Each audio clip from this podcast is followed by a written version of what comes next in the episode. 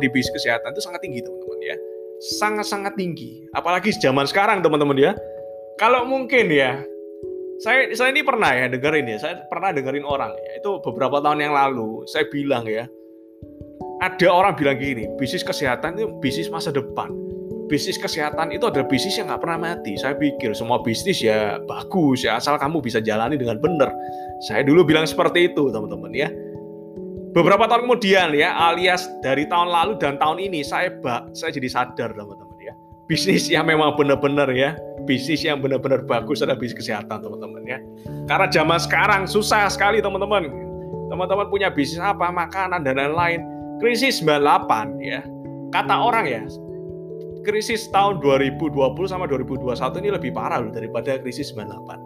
Kalau krisis 98 itu cuma berapa bulan aja, terus pulih teman-teman ya. Terus bangkit bisnis seperti sedia kala, bisnis as usual teman-teman.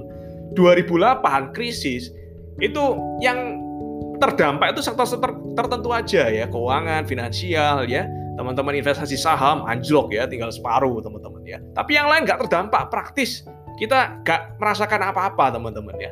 Tapi sekarang teman-teman ya, semuanya merasakan 90% merasakan kecuali teman-teman di bisnis kesehatan sama di online. Jadi ini sebuah keniscayaan teman-teman ya, sebuah tren yang gak akan kembali lagi teman-teman. Dan kenapa? Ini ada statistiknya ya. Why? Bisnis kesehatan itu bisnis bagus ya, bukan masa bisnis bukan bisnis masa depan lagi nih teman-teman. Bisnis sekarang ini ya, present ya, not future but present sekarang now teman-teman ya. Nah, survei WHO, WHO pernah bilang teman-teman ya, statistiknya ternyata 100% orang itu ternyata yang benar-benar sehat itu cuma lima orang aja dari 100 orang teman-teman. 20 orangnya sakit ya, 75 persennya sebenarnya dia itu bukan sehat ya, sehatnya tapi bermasalah ya, sehatnya tapi bermasalah. Artinya menunggu sakit teman-teman ya. Kenapa?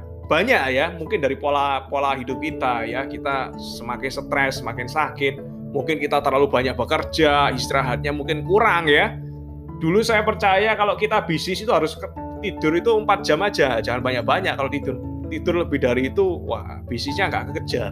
Dulu saya percaya gitu teman jadi dulu saya tidur cuma sedikit sekali ya 4 jam. Itu saya baca-baca ya saya baca-baca juga katanya Donald Trump dan lain-lain ya pengusaha-pengusaha yang sukses-sukses ya itu tidur cuma 4 jam 4 jam. Dulu saya dan dulu saya percaya hal itu teman-teman ya. Tapi saya sekarang saya percaya bahwa tidur harus cukup ya. Minimal 6 jam. Kalau kurang dari 6 jam harus tidur lagi ya. Supaya apa? Supaya kita sehat ya. Satu prinsip satu kosong teman-teman ya. Kita boleh ya. Kosong itu apa? Kita boleh punya mobil yang banyak, mobil mewah, rumah mewah, kita punya villa di mana-mana, apartemen di mana-mana, ruko di mana-mana.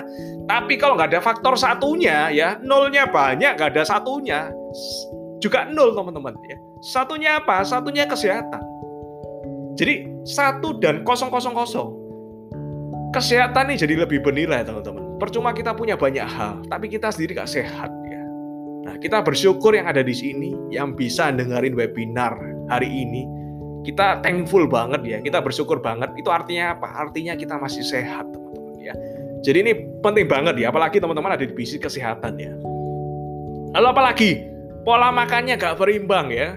Ini mungkin tahun kedua ya, saya vegetarian teman-teman ya. Saya gara-gara pandemi ini saya berusaha untuk jaga badan teman-teman ya. Satu hari itu saya lari, bukan lari sih jalan ya, 9000 langkah. Ini sampai saya pakai jam tangan nih teman-teman ya. Ini jam tangan untuk elektronik ya teman-teman ya. Untuk apa? Untuk ngukur langkah teman-teman. Jadi minimal saya harus 9000 langkah ya. Jadi biasa pertama 5000 langkah ya, setelah berapa bulan jadi 6000 ya, ditingkatin terus. Akhirnya sekarang ini tahap 9000 langkah ya. 9000 langkah every day. Kalau kurang ya sebelum tidur saya jalan di tempat teman-teman ya, saya jalan di tempat sampai 9000 begitu berharganya yang namanya ini teman-teman ya, yang namanya kesehatan.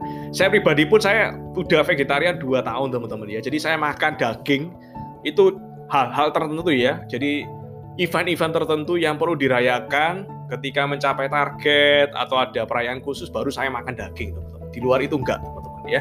Kenapa? Karena saya mau menjaga badan. Lalu apalagi kurang kurang olahraga. Nah ini penting banget ya, kurang olahraga air udara tercemar apalagi teman-teman yang tinggal di kota ya. Kita rata-rata tinggal di kota besar teman-teman ya.